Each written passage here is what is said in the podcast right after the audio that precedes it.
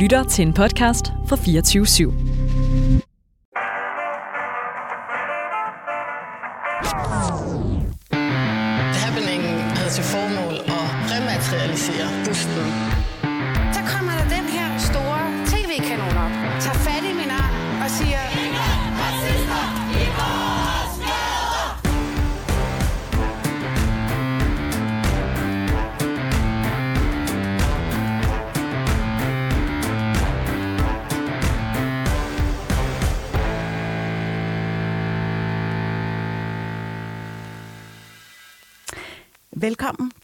Baby og Boomer, Danmarks eneste identitetspolitiske debatmagasin med jeres woke inde og vært inde, Phyllis Yassar.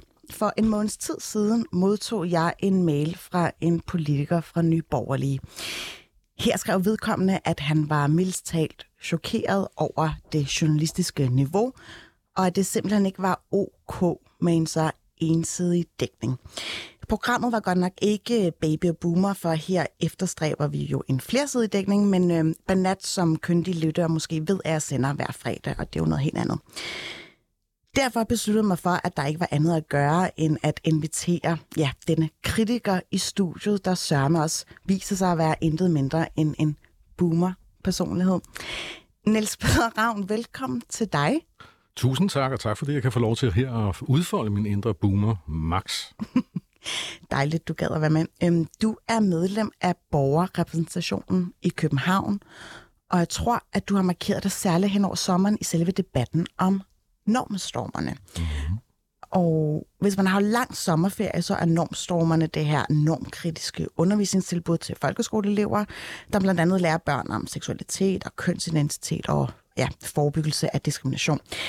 Det har der været en del palaver om. Og, øh, og du har agiteret for, at det er en venstreorienteret bevægelse, som ikke skal indoktrinere børn med wokeisme. Fuldstændig rigtigt. Niels Peder, før vi taler om dit absolute yndlingsemne, som jeg kan forstå, at det her lidt er, så bliver jeg nok nødt til at lave en, øh, en overflyvning på din person. Så det ikke kun er sådan nogle øh, ja, store københavnesnuder som mig selv, der ved, hvem du er. Du er 55 år gammel. Du har stort set boet på Østerbro i København hele dit liv. Øhm, du blev valgt til borgerrepræsentationen i november sidste år med 804 stemmer Ja, det er rigtigt, ja. for Nye Borgerlige. Du vil faktisk gerne i Folketinget. Ja, tak. Øhm, du er en garet reklamemand, kreativ direktør i eget bureau. Det er korrekt. På din virksomheds hjemmeside står der, at NP, det er jo så dig, har udviklet sig til en af branchens mest rutinerede konceptudviklere. Og han er i sit arbejde blevet kendt for at være et bullerne løsningsorienteret lokomotiv. Mm-hmm. Har du selv skrevet det? Nej, jeg tror faktisk, det er et citat fra en af mine øh, gamle kolleger, øh, som man nok også kan finde på LinkedIn, vil jeg faktisk tro. Men, øh, men øh, jeg kunne også godt selv have skrevet det. Fedt. Og så er du far til fem og, øh, og glødende feminist. jeg, jeg- vil sige, at det, det sidste, det, er- det, første rigtige, jeg er far til fem, det er fuldstændig korrekt. Lødende feminist, det er jeg jo nok ikke. Øh, men, øh, men det betyder jo ikke, at, øh, at jeg ikke synes, at kvinder øh, er fantastiske og skal have alle de rettigheder, som, øh, som de overhovedet kan få. Mm, trods alt.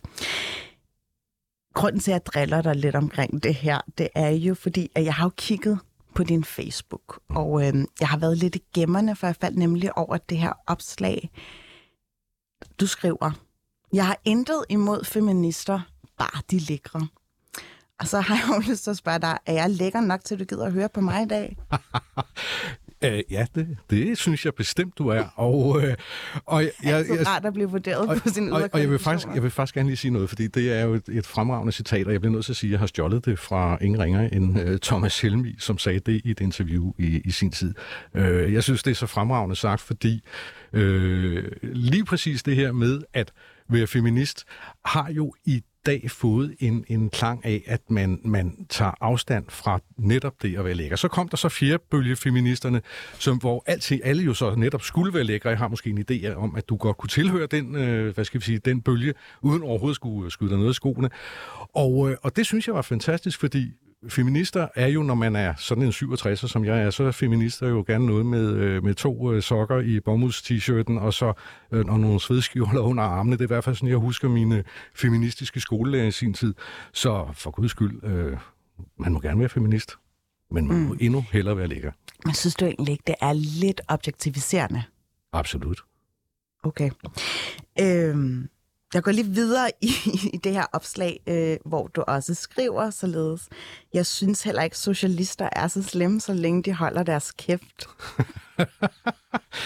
Jamen, det er jo også rigtigt. Altså, øh, fordi hvis der er noget, som virkelig, virkelig, virkelig kan få mit... Øh, øh, mit blod op at koge, så er det jo netop socialister. Og derfor har jeg jo også fået en øh, fantastisk rolle i borgerrepræsentationen, hvor jeg jo heldigvis nu kan tage til direkte øh, genmæle, når, der, når vi har en debat i salen. Og det er, jeg, jeg kan jo se, at du er langt tilbage i min øh, Facebook. Øh, ja, Facebook. internettet glemmer jo aldrig. Nej, nej, og det, jeg, jeg står ved hvert et ord, jeg har skrevet, kan jeg sige.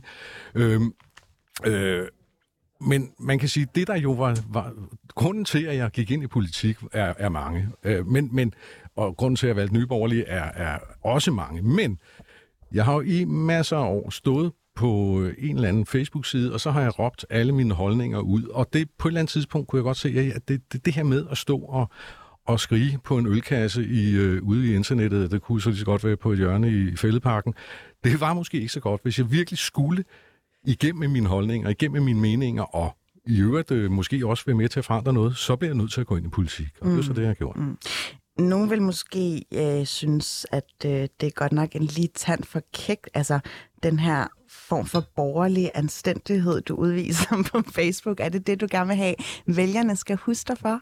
Uh, altså, jeg tror, altså, jeg, helt ærligt, jeg tror, det er sådan her. Altså, når man er højreorienteret, så har man jo en måde at anskue verden på. Og den står jo i skærende kontrast til den måde, man anskuer verden på, når man er venstreorienteret. Mm. Det er der men masser... hvorfor fokuserer du ikke bare på din egen politik? Jamen, jo, men, øh, men det, det føler jeg jo også, jeg gør i dag. Men det er jo rigtigt nok, at, øh, at, at øh, tidligere i, i mit liv, der er jeg jo nok øh, blevet nødt til at prøve at, øh, at, at det handler jo om at positionere sig. Nu er jeg jo, som du netop har sagt, reklamemand. Og det handler, ofte bliver man jo nødt til at positionere sig i forhold til et eller andet.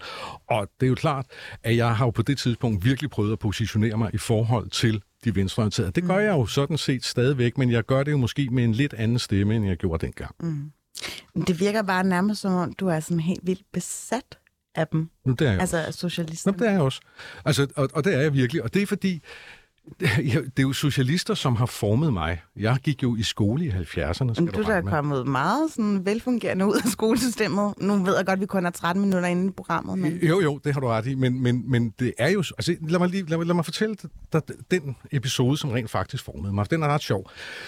Jeg, rent, jeg tror, jeg gik i 7. klasse. Jeg gik på Inger Jespersens skole på Østerbro, 50 meter fra, hvor jeg er opvokset. Det er der, hvor prinsesse Isabella jo lige er startet. Og øh, dengang var Inger Jespersen jo en... Øh, en af de bedre privatskoler i, øh, i København. Øh, også. Men så skete der jo det, at mens jeg, jeg tror, da jeg gik i 5. klasse, der skiftede lærergenerationen. Altså det vil sige, at vi gik fra at skulle sige fru Land og herr Clausen og fru Drost, eller hvad vores lærer nu hed, til i stedet for at skulle sige øh, Lasse og Ina og så videre. Og det vil sige, at den der autoritet, som lærerne havde indtil da, den forsvandt. Mm. Og pludselig havde lærerne ikke en nederdel på, men havde bare fløjsbukser og den før nævnte bomulds t-shirt. Og øh, det var et langt stykke hen ad vejen med til at ødelægge lidt af min skolegang, for jeg befandt mig ret godt i det her lidt mere øh, strukturerede system. Det, der så sker, det er, at da jeg så er i 7. klasse, der er jeg i elevrådet, og øh, så er den en helt nytiltrådt øh, beslutterregering, har proklameret, at der skal være nedskæringer på skoleområdet. Og øh, selvfølgelig som, øh, som, hvad skal vi sige, politisk aktiv, altså i elevrådet, der skal jeg jo med ud og demonstrere mod de her øh, de her nedskæringer. Og jeg skal lige sige, at øh, det var Bertel Hårder, det var vist hans første periode som undervisningsminister. Hans hustru underviste på min skole, og jeg kunne rigtig godt lide hende, så jeg var sgu sådan lidt loren ved det her på en mm. eller anden måde. Men ikke desto mindre, så sker der det, at vi samles med de andre skoler på Østerbro på tilgangen, og så skal vi så gå et demonstrationstog ind til øh, Christiansborg Slottsplads. Og så da vi går forbi kollegiet på Blejdomsvej, så kommer der pludselig en masse unge studerende ud, og det er så lærerstuderende. Og parolen ændrer sig fra, som jeg ikke kan huske, hvad den egentlig var, den ændrede sig til ned med militær, børn er mere værd. Mm. Og det gik jeg så og råbte en 3-4 gange, og så tænkte jeg, undskyld, der er sgu noget galt her, fordi jeg er jo ikke imod militæret for fanden. Altså, øh, jeg er imod nedskæringer, men ikke imod militæret. Og så gjorde jeg det, at jeg vendte om, og så gik jeg tilbage til klassen, hvor min øh, klasselærer var. Det var, jeg skal nok ikke nævne nogen navn, men han var i hvert fald en sådan typisk VS'er, øh, som både kollektiv... Venstre socialist. Ja, lige det er bare lige for, ja, for ja, vores unge lyttere. Det er rigtigt, han var venstre socialist. Og det var rigtig mange læger på det her tidspunkt. Og så kommer jeg op, og så siger han så, hvad fanden, eller hvad fanden laver du her? Og så siger jeg så, jamen altså, det er sgu ikke være med til den demo alligevel. Øh, hvorfor ikke? Og så forklarer jeg så det her med ned med militære børn er mere værd. Så siger han så, er du sød? Og øh, gå tilbage til den demo der. Du er virkelig usolidarisk lige nu. Så siger, det vil jeg ikke, for det, det, det, præmissen blev, for den ændrede sig. Mm. Det var ikke det, jeg ville. Og øh, det resulterede faktisk i, at jeg blev sendt til skolepsykolog i øh, flere omgange, fordi øh, man mente, at jeg måtte jo være fuldstændig gakkelak, hvis jeg havde det på den måde. Og fra det øjeblik, der har jeg nok været besat af, at øh, socialister i hvert fald ikke skal bestemme over mit liv. Mm. Og alligevel er du gift med en skolelærer. Det synes jeg er lidt sjovt. jo, jo. Men, og det er jo en øh, skolelærer, som øh, er en meget dannet skolelærer. Hun er dansklærerinde, og hun er kristendomslærerinde, og hun er mm. billedkunstlærerinde. Så, så øh, hun, er, hun er jo sådan en, der tager sig af de kulturborgerne fag, kan man sige. Altid. Nå, det kunne godt være, at du er bare rundt på et eller andet traume, eller sådan et Stockholm-syndrom. det, det, der, det gør jeg, det gør jeg. Det er 100, 100 procent sikkert. Alright. Øhm, jeg vil gerne lige afspille et klip, som er fra din valgkampagnes mm-hmm. video, øhm, hvor du også taler om danske værdier. Det kommer lige her.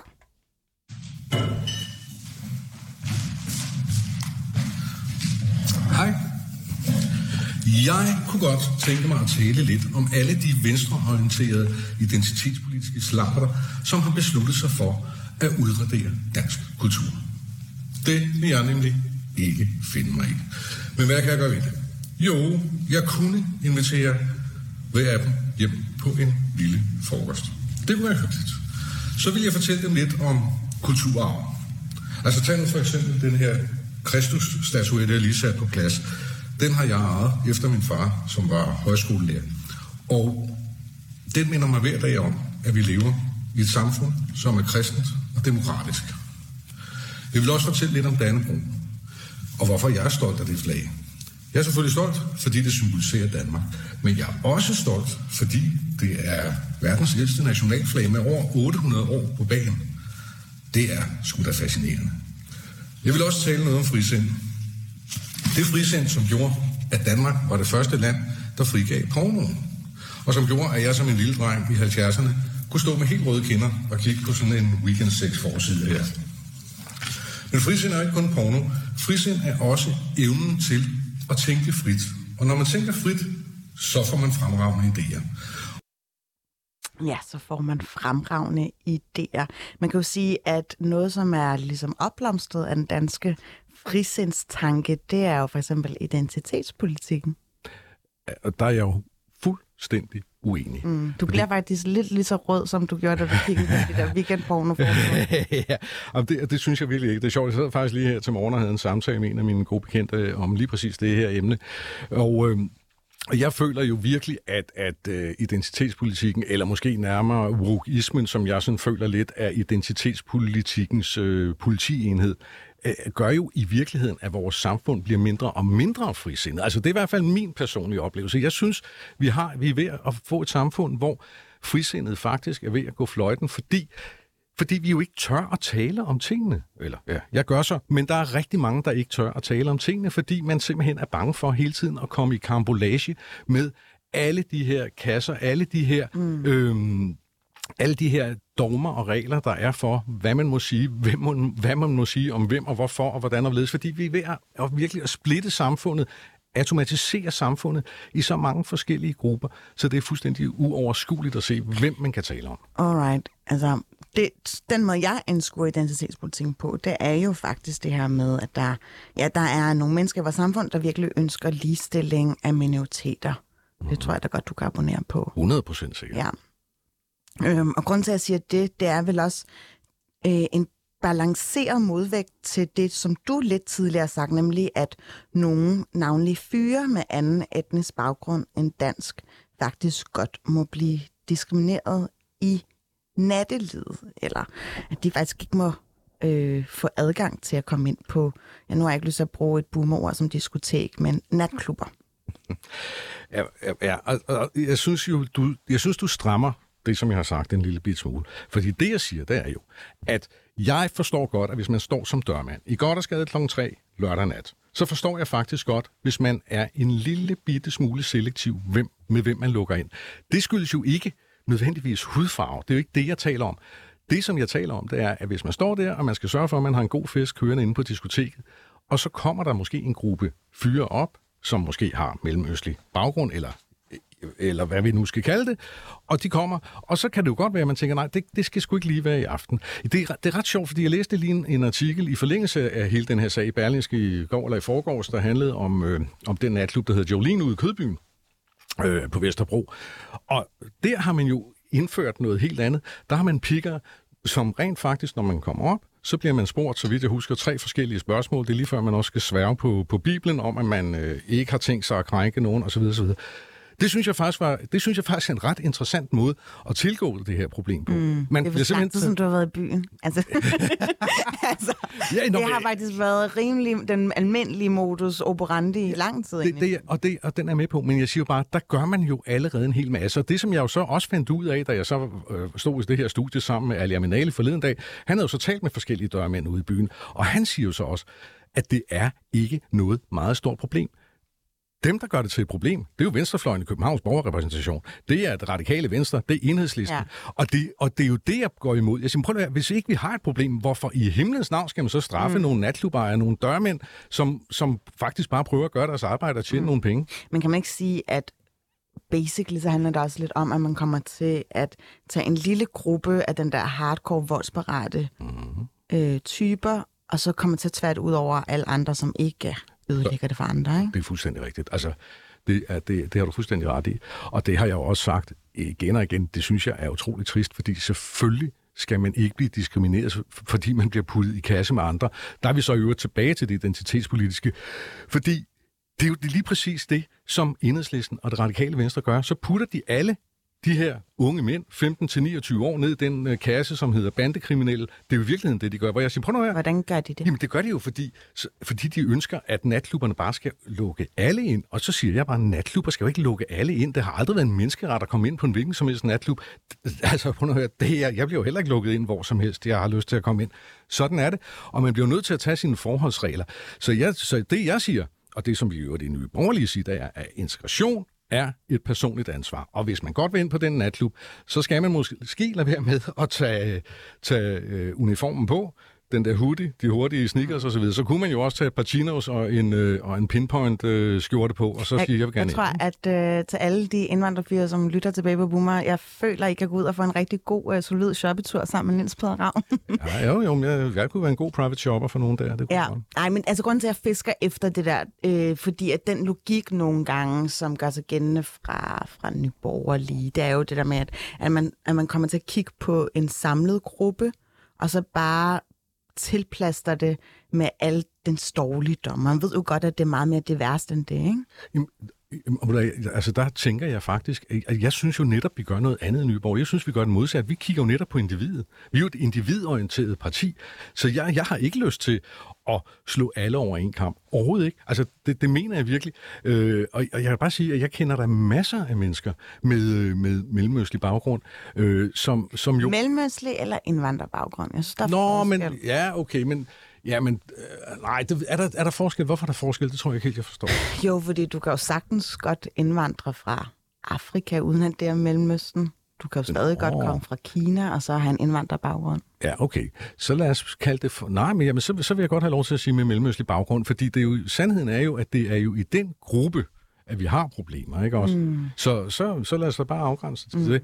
Men jeg siger stadigvæk, hvis man så som individ siger, jeg vil ikke være en del af, af de fordomme, som hersker omkring den gruppe, som jeg etnisk set er en del af, ja. så mener jeg, at man har alle mulige altså især i et land som Danmark, har man jo alle mulige muligheder for at, øh, at stikke af fra ja. den øh, arv, man måtte have. Mm.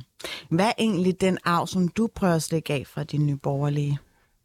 Jamen, jeg, jeg synes, altså, øh, altså, øh, jeg har jo, jeg, jeg synes... Fordi en, du er jo ret ny i faget, kan man sige. Øh, ja, som, ja, som politiker, ja, ja, jo, det er. Jamen, altså, jeg, som jeg sagde tidligere, så, så grunden til, at jeg gik ind i politik, det var, fordi jeg følte, at, øh, altså for det første følte jeg måske, at jeg havde modenheden til at gøre det nu, og det var det rigtige tidspunkt øh, af mange forskellige årsager, men også fordi jeg simpelthen bare har behov for at være med til at ændre den dagsorden, som jeg synes bliver, bliver mm. skubbet ned over, øh, over danskerne. Niels Peder, øhm, som medlem af borgerrepræsentationen, så går jeg da ud fra, at du var ude og fejre Pride i weekenden. Der må jeg altså sige nej. Nå, øv. Det er ellers en god mulighed for at få lidt glimmer i håret og drikke nogle farvige drenge, som jeg tænker, jer i reklamebranchen faktisk har praktiseret en årrække. Ja, ja, ja, det, ja, det er rigtigt. Altså, ved du hvad? Øh, jeg har det sådan her med Pride'en. Øh, jeg forstår simpelthen ikke, hvorfor børnefamilier de tager afsted til Pride. Jeg synes, det er blevet en utrolig seksualiseret forestilling. Og det er faktisk noget af det, som jeg, øh, jeg ikke bryder mig om ved det. Jeg synes, jeg har, jeg har ikke noget imod, at folk ønsker øh, lige vilkår og ønsker øh, ligestilling. Altså, vi er tilbage til, at jeg er jo individorienteret. Jeg synes jo, at folk må leve præcis som de mm. lyst til. Så længe de holder sig inden for lovens rammer, og i øvrigt ikke nødvendigvis behøver at involvere mig, så kan folk gøre, hvad fanden de har lyst til. Og jeg synes naturligvis, at det er fint, at folk fejrer den hvad skal vi sige, lighed og...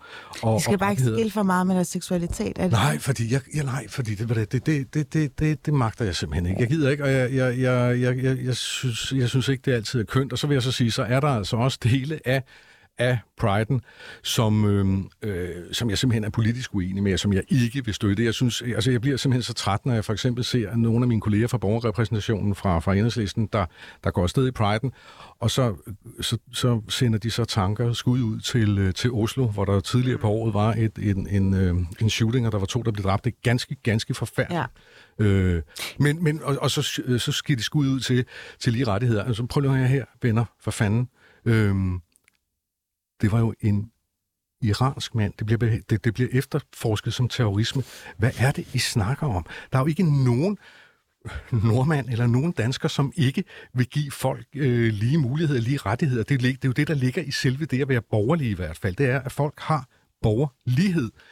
Men, men, men at skyde og så skyde, skyde os borgerlige skoene, at vi ikke vil, øh, at vi ikke vil lighed. Det er simpelthen absurd, når man så til gengæld sørger for fra enhedslæsens side ønsker at få så stor en indvandring som muligt så, så, fra de her lande, så bliver jeg simpelthen så, Puh, så nu, nu skal vi lige holde øje, fordi det ja. var jo bare borgerrepræsentationer. Så vidt jeg ved, så alt det der med indvandring, det er jo bare nationalpolitik, ikke? Så oh, jo, lad os lige, lad os lige ja, vi holder... ned ja, for de høje navler. Jo, jo, jo. Det, jeg tænkte på, det var nemlig, at øhm, altså det som priden og som det, altså selve kongstanken bag det, det er jo, at alle skal have lov til at forelske sig i, hvem de vil, og hvem de har elsket, hvem de vil.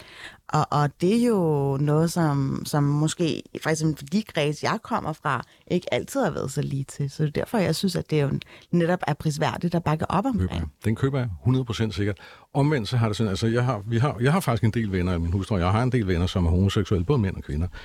Og øhm, og det er mennesker, som heller aldrig kunne drømme om at deltage i Pride'en. Hvorfor kunne de ikke det? Det er fordi, de her mennesker, de siger, at vi lever ganske almindelige borgerlige liv øh, som par. Vi, nogle af dem har børn, nogle af dem har ikke børn.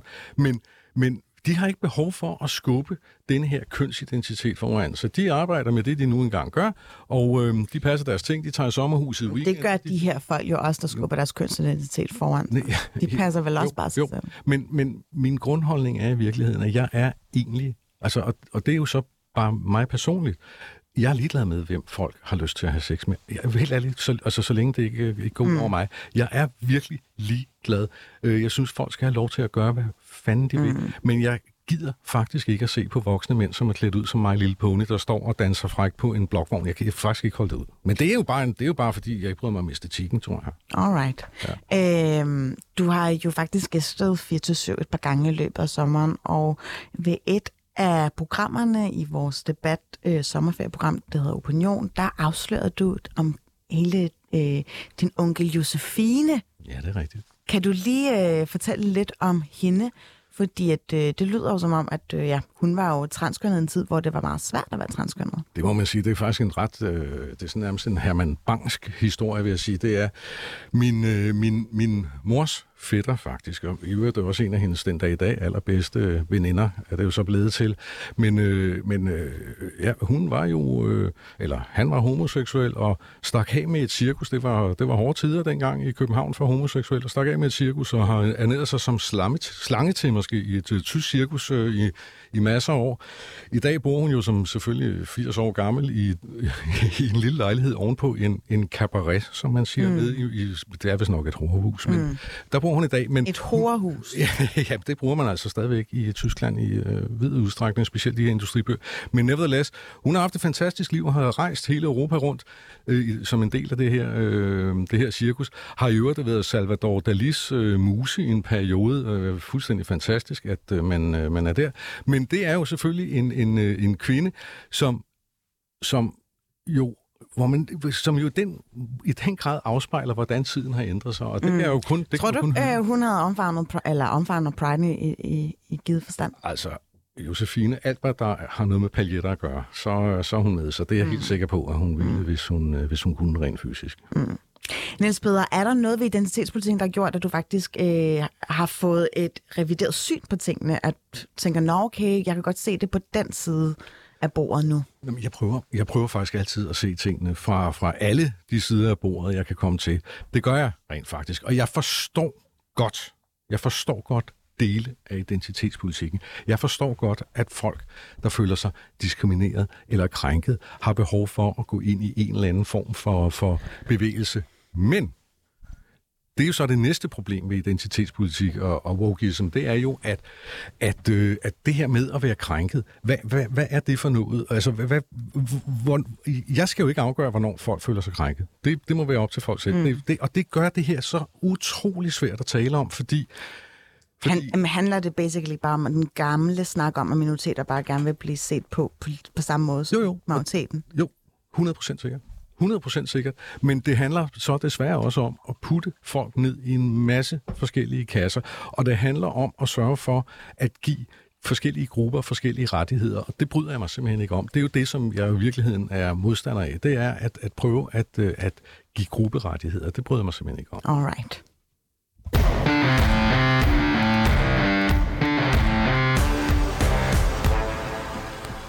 Du lytter til Baby og Boomer med jeres woke ende og vært inde Phyllis Jassar. Jeg har Niels Peder med i radioen som, ja, denne mandags Boomer med vært. Og øh, vi har lige brugt de første ja, 20 minutters tid på at blive klogere på, hvad han ligesom er rundet af. Men øh, som et nyt element her i programmet, så vil jeg gerne introducere ugens gæst. Og øh, denne ugens gæst har virkelig trukket ja, opmærksomhed med sig, siden hun skrev et indlæg i fredag, som jeg gerne vil læse op fra nu. Jeg var meget ked af at være pige, da jeg var pige. Jeg ville være dreng. Jeg stod foran spejlet, havde min brystkasse og pustede mig op. Jeg proppede en sok i underbukserne og synes jeg var meget flotter på den måde. Sådan skriver journalist og radiovært Nynne Bjerre Christensen i et indlæg til Christi Dagblad. Indlægget, der også er blevet delt på hendes personlige Facebook-profil, er blevet liket 24.000 gange og har i skrivende stund 12.000 delinger. Man kan sige, at indsparket kan foruden Nynnes personhistorie og ses som en kommentar til regeringens forslag om at fjerne den nedre aldersgrænse for et juridisk kønsskifte. Nynne Bjerre Christensen, øh, tillykke, du er simpelthen gået viralt. Ja, det kan man roligt sige. Det er noget, man nok kun oplever en gang i sit liv. Så øh, jeg følger selvfølgelig også lidt med i både delinger og, øh, øh, og likes. Men, men grundlæggende har de refleksioner, der har været til mig i hvert fald, og reaktioner, været mere, mere love and shit. Så, så indtil videre går det meget godt. Mm. Hvis vi skal lave et oprids, for jeg kan af gode grunde jo ikke læse hele dit oplæg øh, op her. Men øh, hvad er ligesom historien om Nynne, der hellere vil være dreng end pige?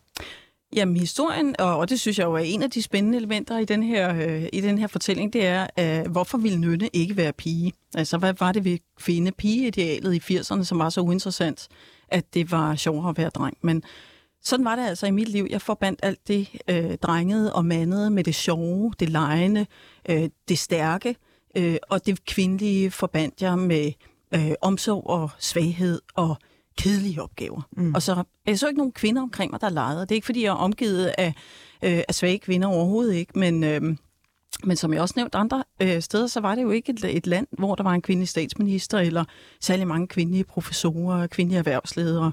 Øh, der var ikke øh, kvindelige stemmer. Der var ikke den leg med kønsidentiteter, som vi ser i dag. Mm. Og, øh, Eller og magtidentiteter, for den sags skyld også. For mm. mig var det måske det mest interessante, magten. Mm. Og, og hvordan kan det egentlig være, at du sådan følte dig kaldet til at gå ind i den her rimelige, samtidig polariserede debat? Øh, ja, men det skete også med øh, efter meget omtanke og, og mange overvejelser, fordi først og fremmest øh, overvejede jeg jo, om den her historie overhovedet har altså almen gyldighed. Siger den overhovedet unge mennesker, der står midt i de her kæmpe identitetsproblemer noget i dag? Det kan stadigvæk godt være i tvivl om. Mm. Der er ingen tvivl om, den siger en hel masse i Niels Peters øh, årgang noget. Altså folk, der aldrig har haft overvejelser om kønsidentitet, eller har haft børn, der står i de problemer. De er jo alt overvejende øh, enige med mig, men, men det var selvfølgelig den der øh, den der onsdagsforside på Jyllandsposten, hvor der står, at øh, regeringen nu efter lange overvejelser og i øvrigt mod etisk råds anbefalinger vælger, at øh, at børn ned til 0 år skal have et, øh, en mulighed for et juridisk kønsskifte. Og der er det bare, jeg siger, at det er jo en del af børns identitet og lege med rollerne. Vi springer ind og ud af prinsesse- og ridderroller, og det er jo en del af det at blive voksen. I mit tilfælde øh, havde det Altså var det, var det noget tungere, noget mere alvorligt. Jeg ville være dreng, jeg havde svært ved at, at se mig selv som kvinde, og jeg imødeså puberteten med meget stor bekymring, fordi jeg kunne ikke se, altså det ville være latterligt at blive ved med at lege dreng, øh, men, men øh, det ville jeg jo ikke kunne, når jeg rendte rundt med bryster, så jeg vidste ikke, hvad der ville, ville ske for mig, og det, det imødeså jeg med meget stor bekymring. Og det var der, jeg ligesom tænkte, jamen prøv lige at høre, den kunne godt have bidt sig fast hos mig, og det havde været en katastrofe, hvis det havde forledt mig til at tro, at jeg var en dreng. Det var mm. jeg ikke. Jeg var en pige. Jeg skulle bare have lov til at at være i fred og lege med alle de identiteter. Så er der en anden ting, jeg måske også lige indledningsvis må sige, og det er det her med, at som jeg har forstået det, så kan man så i dag ændre juridisk køn, hvis ens forældre bakker det op, når man er under 15 år. Øhm. Og så kan man sige, at forældre ved altid, hvad der er rigtigst for deres børn. Det ved de jo notorisk ikke, fordi det er jo derfor, vi både fjerner og tvangsfjerner børn i det her land. Så også lige kigget ned over, hvad kalder folk egentlig deres børn? Og der vil godt lige minde om, at der både er børn, der er blevet kaldt altan og dyne øh, og kamel øh, og gin i det her land, og blevet godkendt. Og så kan man sige, okay, de her forældre mener også, det er rigtigst for deres børn. Det synes jeg ikke, det her. Men altså, bare lige for at sige, ved vi egentlig, hvad der er rigtigst for vores børn? Det ved jeg ikke. Jeg vil utrolig gerne have et myndighedssyn på de her børn, når de er under 15 år. Det må jeg Jeg vil også gerne have et myndighedssyn på baggrund af mine forældres øh, ja, navntilgivelse, eller navn, øh, altså den døbte mig som Phyllis. Men, og, øh, og du må lige regne med, altså både gin og kamel er røget igennem øh, nåleøjet. Ikke? Hvad, hvad har folk så, der ikke er blevet godkendt? Det er en sjov sammenligning i forhold til med navn og kønsidentitet, men den tager vi lige om lidt. Jeg vil nemlig gerne lige spørge dig, Nils Peder. Er du glad for, at Nynne skrev det her indlæg? Ja, det er klart jeg er faktisk utrolig glad for, at skrev det indlæg, og, øh, og da jeg læste det, så, så, så mit borgerlige hjerte, det blev jo, det blev jo simpelthen øh, helt, øh, helt varmt og, og pumpende. Og nu kender jeg Nynne lidt i forvejen, vi har mødtes ved en række debatter her i, øh, i foråret, og, og og jeg er jo sådan lidt, jeg skal jo ikke tage nynne til indtægt for en eller anden borgerlig skideriks øh, holdninger, så derfor så, så havde, tak jeg mig, for det. derfor så, så, så følte jeg mig bare lige nødt til at sende dig en sms, hvor jeg skrev, hey, et super fedt indlæg, tusind tak skal du have. Det kan være, jeg kommer til at nævne dig på mandag, fordi jeg vidste, jeg skulle herind. Jeg vidste ikke, at du også kommer ind. Det vidste jeg heller ikke engang. Nej, det ved jeg. Men, men øh, så, så jeg synes, det var rigtig rart. Jeg synes også, det var utrolig modigt af dig, fordi jeg tænker, jeg tænker, Nøgne, at der sætter du jo røven i klaskehøjde i en grad, som jeg sjældent har set nogen, nogen gøre, fordi du jo i virkeligheden set med mine øjne taler parnasset, kulturparnasset, direkte imod. Så jeg vil sige, at jeg var sgu meget imponeret over de brede skuldre, du, øh, du tog med dig på Facebook der. Det, øh, Men jeg vil sige, altså, jeg prøver jo kun at fokusere på børnene. Jeg prøver at undgå at blande mig i, hvordan transkønnede øh, lever deres liv, hvordan den non-binære bevægelse udvikler sig og, og så videre. Altså, så jeg har da også været nervøs for, altså et, har den her historie overhovedet noget at sige børn og unge mennesker, der har identitetsproblemer i dag? Det er jeg meget i tvivl om, og det må jeg være indrømme, det er, stadig, det, det er stadig i tvivl om. Jeg er da også nervøs for at blive kaldt øh, transfobisk og så videre, fordi det, øh, det er virkelig ikke mit sigte. Altså, altså det er kun spørgsmålet om, at det er det rigtige at gøre for børn. Vi har super meget mistrivsel blandt mm. unge mennesker øh, i forvejen. Øh, har de brug for flere valg på hylderne? Altså, men der er mange, der, der er enormt mange dilemmaer i det her.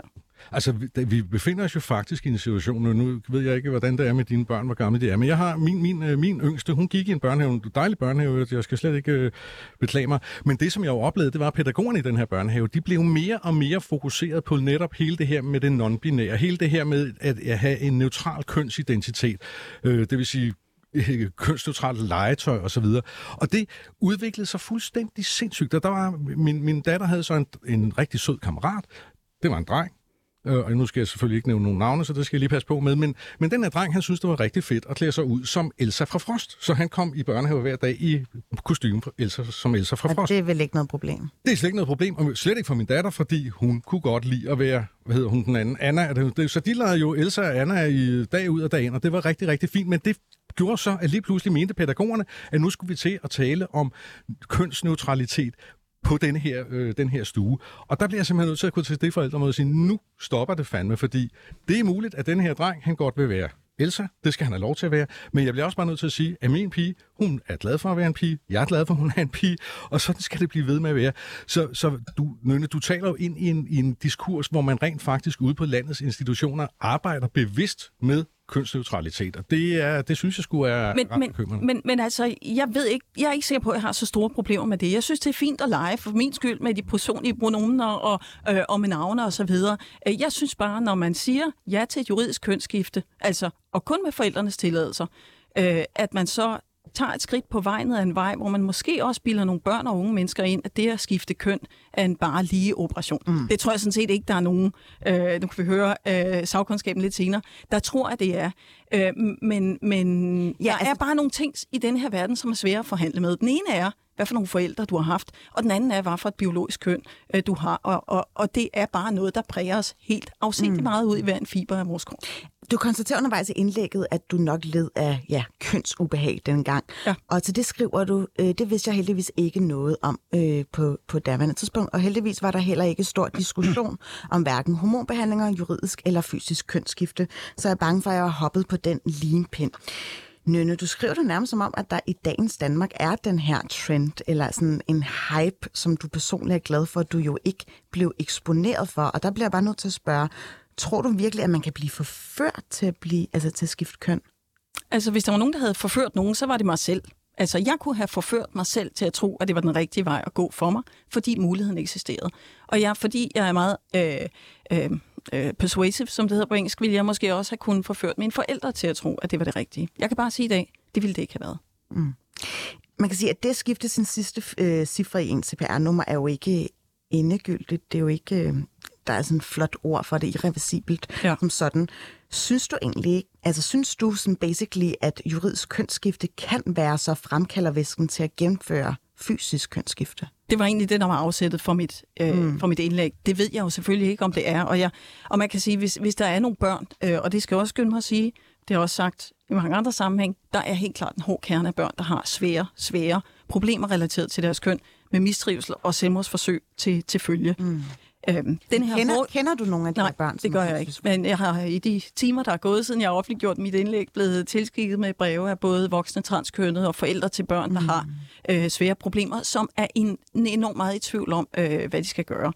Øh, det er jo fuldstændig rigtigt, at det er reversibelt, og det, og det synes jeg er fint. Jeg synes bare ikke, at børn skal have lov til at skifte køn, hverken juridisk eller fysisk, med mindre at der er meget, meget vigtige argumenter, der taler for det. Fordi jeg tror også, der kan være meget vigtige argumenter, der taler for, at et barn øh, får lov til at få det andet nummer på sit pas. Mm. Jeg kan bare ikke forstå, hvorfor vi ikke kan lave en lovgivning, hvor man som udgangspunkt siger, som udgangspunkt skal børn ikke have lov til at skifte juridisk køn, men selvfølgelig skal man kunne hjælpe de børn. Og jeg ved ikke, hvor mange det drejer sig om. Det kan være, at sagkundskaben kan, kan hjælpe os med det lidt senere.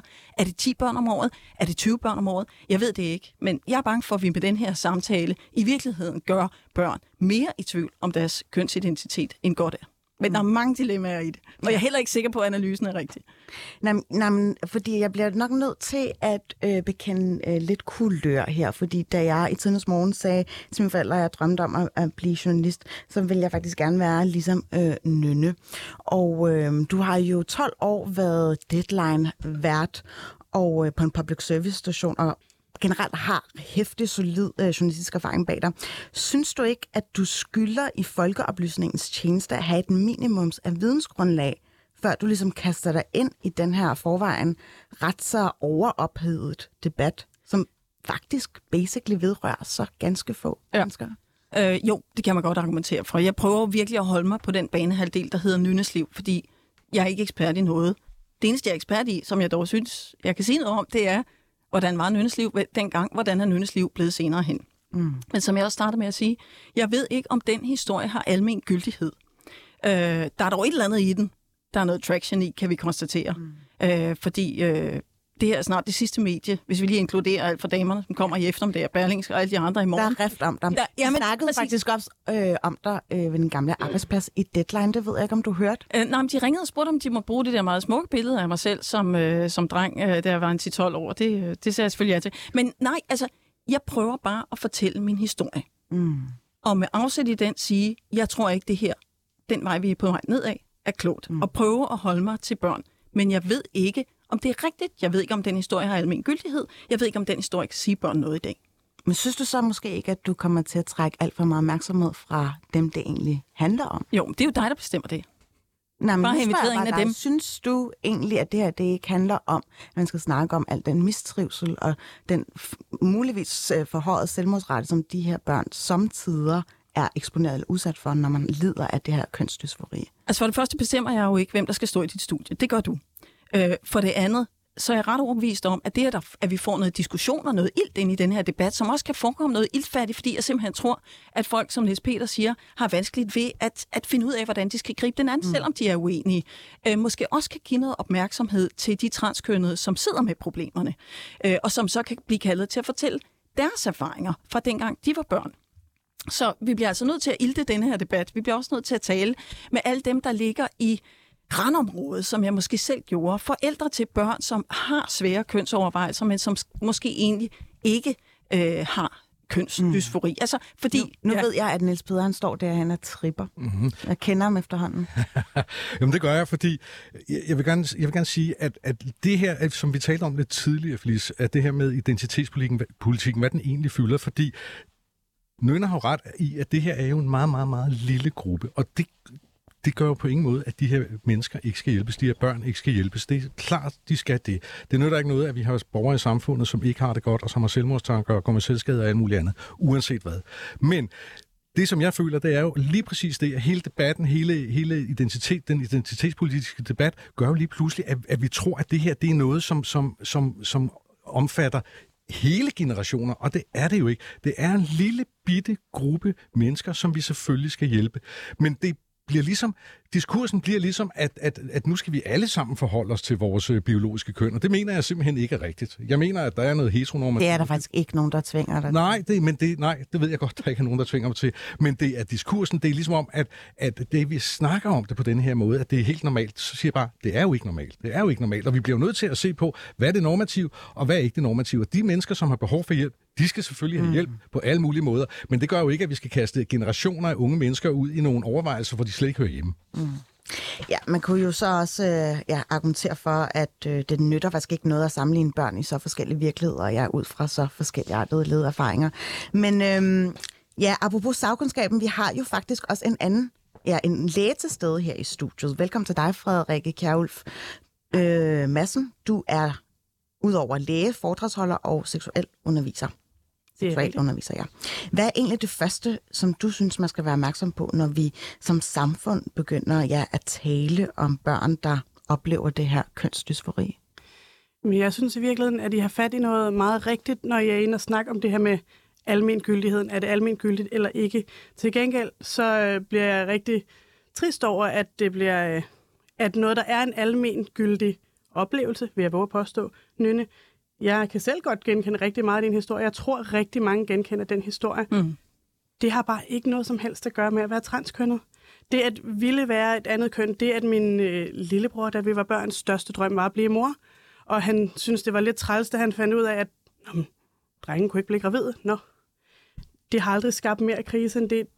Det er helt almindelige historier. Men det er bare ikke det, vi snakker om. Når vi snakker om at give transkønnede børn lov til at skifte CPR-nummer, så snakker vi om et lille bitte mindretal. Vi snakker om en lille gruppe af børn, voksne, der i den grad mistrives. Vi har haft det op at vende. Øhm, jeg har svært ved at sætte præcis tal på. Det svinger jo fra år til år, og lige de sidste år har vi haft corona, som også har påvirket, hvordan der var ledes med, med henvisninger. Men vi snakker alligevel omkring 100-200 henvisninger årligt af børn til øh, sådan, ikke til øh, ønsker om juridisk kønsskifte, heller ikke nødvendigvis til hormonbehandling, men til udredning for, at det her er noget, vi skal længere ind i. Er det under 15, under 12, under 18? Det er under 18. Ja. ja. Så det er Så 100 om året? et sted mellem 100 og 200. I Ja. 2020 var det 141. Mm. Øhm, og det her det er jo ikke det samme som, at alle de børn nødvendigvis skal gennemgå et kønsskifte, mm. men det er dem, hvor forældrene ligesom i samarbejde med barnet sagt, okay, der er noget, der er vigtigt nok til, at vi har brug for noget professionel hjælp til at få det her udredt. Men som jeg forstår det, Frederikke, så vil man i dag kunne gå ned på kommunen og sige, at vi er blevet enige med vores barn om, og så er der noget juridisk rådgivning. Men, men der er ikke noget psykologisk rådgivning, der er ikke nogen myndighedsøjne på et muligt juridisk kønsskifte, som jeg forstår det, fordi det, det du beskriver, det er jo måden at gøre det på. Altså, det er jo at tale med nogle fagpersoner. Øhm, det jeg er lidt nervøs for, det er, at det, det, det stikker af, og, og at lige akkurat min fortælling, som du siger, ikke har noget med transkønnethed og kønsdysfori at gøre, det har, det, den erkendelse er jeg jo helt klar over, og det beskriver jeg jo også meget tydeligt i min tekst, at det ligesom, du ved, kan forlede nogen til at tro, at, når man, du ved, i vores egen vurdering herhjemme, er han en dreng. Øh, så, så du ved, det ringende i vandet omkring den hårde kerne, som jeg er nervøs for. Man kan sige, at i praksis er det, der sker, når forældre henviser deres børn til tættere på længere fra. Jeg tror bare, du skal tale lidt mere ind i mikrofonen, så alle kan få lov til at høre alt det, du siger. Altså, det praktiske, der sker, når man henviser et barn, øh, eller når man som forældre ligesom går ind og, og tager de her skridt, så har man jo ofte allerede, så har man ligesom anerkendt, der er et eller andet, mit barn var ikke det køn, jeg troede, det var. Øh, min Allan var i virkeligheden en Alma. Øh, og der vil man jo ofte for alle praktiske formål allerede have fundet ud af, okay, Alma har det meget bedre, når vi kalder hende hendes navn. Mm. Så for mange praktiske formål, så vil man jo allerede have foretaget social kønsskifte der. Mm. Det er man også nødt til, fordi der er rigtig lang ventetid på udredning på seksologisk klinik. Det er ikke noget, man bare lige kommer til. Og det er også en af grundene til, at jeg synes helt klart, at det at man kan sige, få hele omgangskredsen omkring et barn til at støtte op omkring den her sociale identitet, mm. at det bør ikke være afhængigt af den ventetid, man har på Rigshospitalet. Og man så kan sige, det her med at skifte køn, ikke skifte køn juridisk, skal man kunne skifte CPR-nummer, det giver nogle andre problemer, som vi slet ikke har op at tale om. Det giver nogle problemer i forhold til øh, nogen, der ryger ud af nogle screeningsprogrammer og sådan nogle ting. Øh, personligt er jeg der, hvor jeg mener, at man bør helt øh, ophæve de kønnede CPR-nummer, altså bare tildele Neutralisere dem. neutraliserede CPR-nummer. Ikke at dem, der har CPR-nummer i forvejen, skal have dem ændret, men at kønnet bare ikke skal ligge derinde, fordi rent sundhedsfagligt har det ikke nogen betydning for mig, hvad dit øh, personlige identifikationsnummer siger om dit køn. Det kan jeg se i din lægejournal. Mm-hmm. Det kan man se alle mulige andre steder. Jeg kan se det og høre det ved at snakke med mine patienter. Så man kan sige, det vil jo ligesom være en, en yderligere tiltag, men det er en væsentlig større omstrukturering af, hvordan vores system fungerer. Det vil kræve nogle flere penge, noget mere systemteknisk for at få det til at virke korrekt. Øh, og derfor synes jeg, det er en rigtig god sådan midlertidig løsning, at man bare fjerner den aldersgrænse, man lige nu har for juridisk kønsskifte. Fordi det er bare et pændestrøg. Det er bare at give de børn lov, der har det behov. Og du kan da sagtens have ret i, der kan godt være børn, der skifter mening. Der kan godt være børn, der finder ud af, nå, jeg var sørme ikke transkønnet alligevel. Men så er det jo heller ikke mere odiøst, at man kan skifte det nummer tilbage igen. Nej, og Ligesom det, man øh, og, skiftede det i første omgang. og det er da også det eneste, der trøster mig øh, i den her sammenhæng. Øh, men, men det, jeg tænker, det er, hvis du nu har taget det skridt og sagt, okay, øh, jeg bliver øh, kaldt et handnavn, øh, det personlige pronomen er ændret, øh, og jeg er også en dreng i mit pas. Øh, hvad sker der sommeren, når man nærmer sig puberteten? Vil det så være, hvad skal man sige, et mindre skridt at sige, okay, nu begynder vi med jeg, jeg er ikke helt sikker på, hvad termerne er, pubertetsblokker, hormonbehandlinger øh, med henblik på en egentlig operation. Øh, der er det også bare, at jeg i teksten øh, henviser til, at det var en revolution, som gik hen over en 3-4 år, som puberteten jo er for mig, hvor jeg ligesom fandt mig tilpas, og så kunne jeg jo... Ja, og hvordan det omgivende samfund har udviklet sig i mellemtiden er en anden sag, men, men det har selvfølgelig også hjulpet mig, at den rummelighed er blevet større, for det er jo det, jeg synes er interessant at, at kigge på for mm. de mennesker, som er i tvivlsområdet, altså som jeg selv var, øh, om, det... om, om, øh, om, om de faktisk kan se sig selv i de kønsidealer, der er. Jeg vil lige spørge fag, vores fagkvinde her om noget, fordi Nynne var inde på det lidt tidligere, at nogle gange så bliver samfundet nødt til at beskytte øh, børn imod deres forældre, også i denne her sammenhæng. Og du, du siger lige, så vidt jeg forstod, at, at hvis man foretager de her juridiske kønsskifte, så er der en risiko for, at barnet så rent faktisk ikke kommer til den grundige udredning, som kan være nødvendig sidenhen. Var det sådan, jeg skulle forstå det? Nej. Nej, nej, det var, det var forkert forstået. Det var Godt. bare et spørgsmål om, at der er lang ventetid på Der er lang ventetid. anden udredning. Okay, men op, oplever I som fagpersoner, at, at det er altid er børnenes, øh, hvad skal vi sige, børnenes beslutning at komme til den her udredning, eller, eller er det, kan, kan forældrene have en, øh, en indflydelse, som måske ikke er så heldig? Altså måske i virkeligheden, at det er forældrene, som, der som udgangspunkt mener, at barnets køn er forkert? Eller hvordan er det en oplevelse, man I, I- I kan tale om, eller har overhovedet? Altså, det er, en, det er en, en oplevelse, vi hører omtalt rigtig meget fra folk, der ikke har med transkønnet ja. at gøre. Det er ikke noget, vi ser i praksis. Det, vi i praksis ser, er, at øh, det er børn, som ret tidligt fortæller deres forældre, ikke, jeg vil gerne være en dreng, eller jeg vil gerne være en pige, men jeg er en dreng eller en pige, og som holder fast i det her over lang tid, og som mistrives i høj grad ind til forældrene ligesom finder ud af, okay, måske skulle vi bare prøve at gå med det her. Og når man så går med det her, og holder op med at sige, at du må gerne være en dreng i kjole, men bare acceptere, at måske var du Alma, Elsa, mm. hvad det nu var, øh, at så blomstrer de her børn op. Og det er typisk, når forældrene ser den der opblomstring, at de tænker, okay, der er nok et eller andet mere i det. Og så et eller andet sted i den proces, der vil de typisk tage kontakt til seksologisk klinik, mm. og det vil ofte være nogle år senere, de vil som regel give det det nogle år, og så er det, når vi begynder at nærme os netop puberteten, og så observerer de gerne deres barn, hvor meget og hvor lidt er mit barn bekymret for faktisk at gå i pubertet. Mm. Er vi der, hvor vi måske skal overveje, om det er noget, vi kan forsinke eller forholde os til? Skal der mere udredning til? Men der vil jeg så lige høre, fordi når så hormonerne for alvor så øh, træder til, ligesom i Nynnes tilfælde, øh, og selvfølgelig måske også i mit øh, på et givet tidspunkt for mange herrens år siden, øh, Eller venter du stadigvæk? jeg venter stadigvæk på, at de falder ned. Nej, hør engang. Øh, hvis, hvis det så ændrer sig, altså hvis man så i virkeligheden viser sig så at være den dreng, som man rent faktisk var, men men man forhindrer det ved at, øh, at give hormonbehandling, for eksempel, eller øh, pubertetsudsættende. Øh, altså, jeg mener, jeg mener at, at hormonerne har jo også øh, indvirkning på ens psyke. Øh, så så øh, hvor- hvornår ved man som, som fagperson, at, at det her det var en god idé at give den hormonudsættende behandling? Altså, man kan sige, det er jo noget, man forsker i sådan løbende generelt. Og jeg tror, det er vigtigt lige at have fat i, at de her sådan, hormonblokker, altså pubertetsforsinkende hormoner, som man øvrigt også bruger i alle mulige andre sammenhænge, øh, også hos voksne, mm. det har man jo brugt i rigtig mange år. Også når det ikke handler om transkønnet. Man bruger det til børn, der går tidligt i puberteten. Man har sågar brugt det til børn, man var bekymret for at øh, blive for høje eller for lave, eller ligesom skulle have, have påvirket deres vækstcyklus. Og man har brugt det sådan meget øh, lemfældigt til børn, der ikke var transkønnet. Og det er jo ikke fordi, at der, der ikke er bivirkninger, det er der til al medicin, men det er sådan forholdsvis beskedende bivirkninger. Lige så snart man fjerner dem, så går man jo i den pubertet, man ligesom vil være gået i. Øhm, og der er nogle børn, som får pubertetsblokker, eller får hormonblokker, og som vælger at stoppe på dem igen, og vælger at gå i den pubertet, deres krop altid vil være gået i. Og det er, hvad det er, men det er et fortal.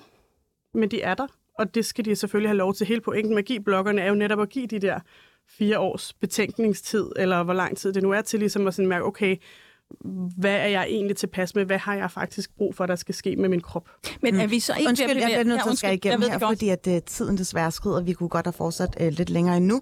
I er nemlig alle sammen gode til at stille spørgsmål. Um, men jeg vil faktisk gerne lige stille det afsluttende spørgsmål her. Uh, synes du, Frederik Kjærlf Madsen, at der er for mange synsninger i den her debat? Det må jeg jo nok sige ja til. Og jeg erkender mig jo helt skyldig i den sammenhæng. Ja, nu er det jo ikke, fordi jeg bruger nogen som helst som ammunition i det her, men øh, hvad er det, ligesom, vi skal være opmærksom på, når der kommer så mange forskellige holdninger ind i det her? Altså jeg tænker en rigtig god tommelfingerregel, og man kan selvfølgelig godt stå og lytte til, til mig som fagperson, men jeg er jo ikke transkønnet selv. Synes, det aller, allerbedste, man kan gøre, når man hører om de her ting, og tænker, hvad søren er det for noget, det er faktisk at lytte til dem, det handler om. Prøv at gå ind og, øh, og følg Foreningen for Forældre til Transkønnede Børn, for eksempel. Hør nogle af de historier, der er der. Amnesty International har også lavet nogle videoer, som forklarer de her ting rigtig, rigtig simpelt, så man kan gå ind og, og høre perspektivet fra dem, det faktisk handler om. Alright. Og um, med den ligesom afsluttende appel, så tror jeg, at øh, vi alle sammen er blevet lidt klogere på det her. I stemmer vel i? Vi er forvirret på et højere plan. I skal i hvert fald have tusind tak, fordi I gad at ligesom øse ud af jeres ja, lettere boomernes, Nynne Bjerg Christensen og Peder Ravn. Vi fortsætter jo, Niels Peder, i næste time. Mit navn er Phyllis Jassar, og du har lyttet til Baby og Boomer.